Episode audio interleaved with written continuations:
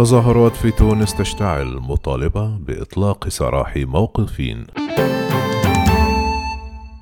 تظاهر تونسيون الأربعاء للمطالبة بإطلاق سراح موقوفين إثر صدامات ليلة بين قوات الأمن ومحتجين.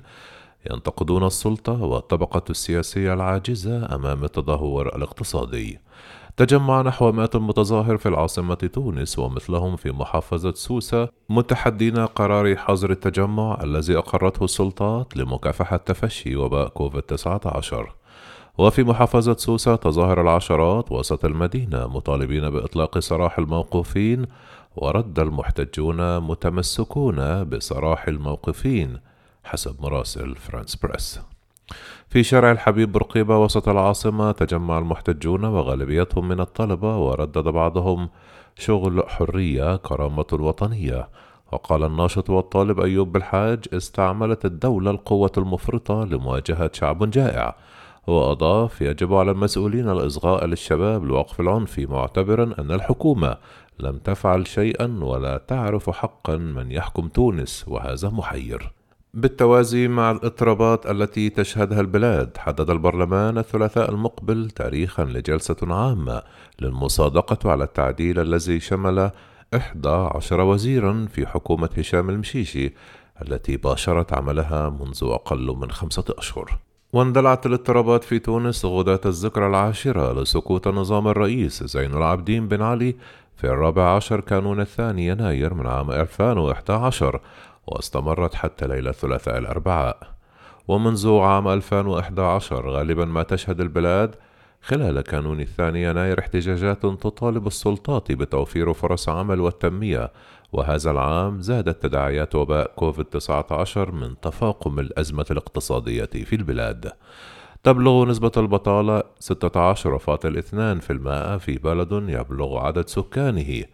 11 مليون فاصل سبعة نسمة يواجهون انكماشا اقتصاديا بستة في المائة حسب أرقام المعهد الوطني للإحصاء الحكومي.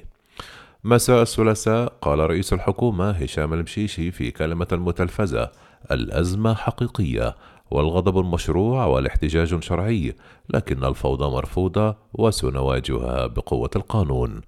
تابع رئيس الوزراء التونسي صوتكم مسموع وغضبكم مشروع ودوري ودور الحكومة. جعل مطالبكم واقعا والحلم ممكنا.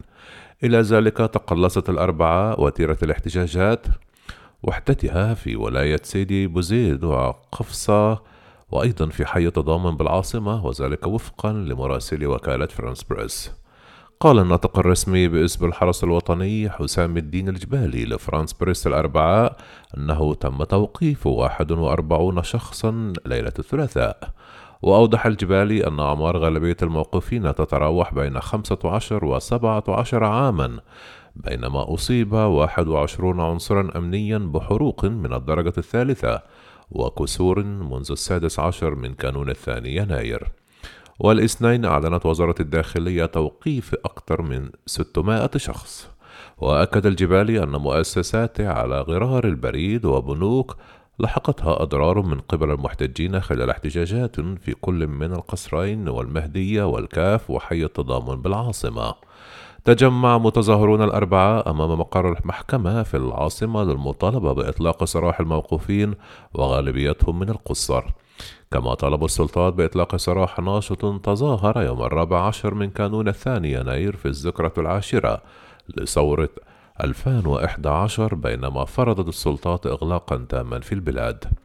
ندد نواب البرلمان في جلسة الأربعاء بأعمال العنف التي جرت ليلا ودعوا المحتجين إلى التظاهر بطريقة مشروعة وطلبوا من السلطات الإصغاء إلى مطالب المحتجين. وخلال زيارة الرئيس قيس سعيد الاثنين لمنطقة المنيهلة المحادية لحي التضامن في محاولة منه لتهدئة المحتجين ردد بعض من الذين كانوا في استقباله حل البرلمان سيد الرئيس في إشارة إلى رفض كبير للطبقة السياسية وبالخصوص الأحزاب التي تواجه انتقادات وسط الخلافات الشديدة بينهما. تواجه البلاد بالموازاة مع ذلك تفشي وباء كوفيد-19 وصارت تسجل يوميا ما بين 2000 و 3000 إصابة في حصيلة لم تشهدها منذ رصد الحالات الأولى في آذار مارس الفائت.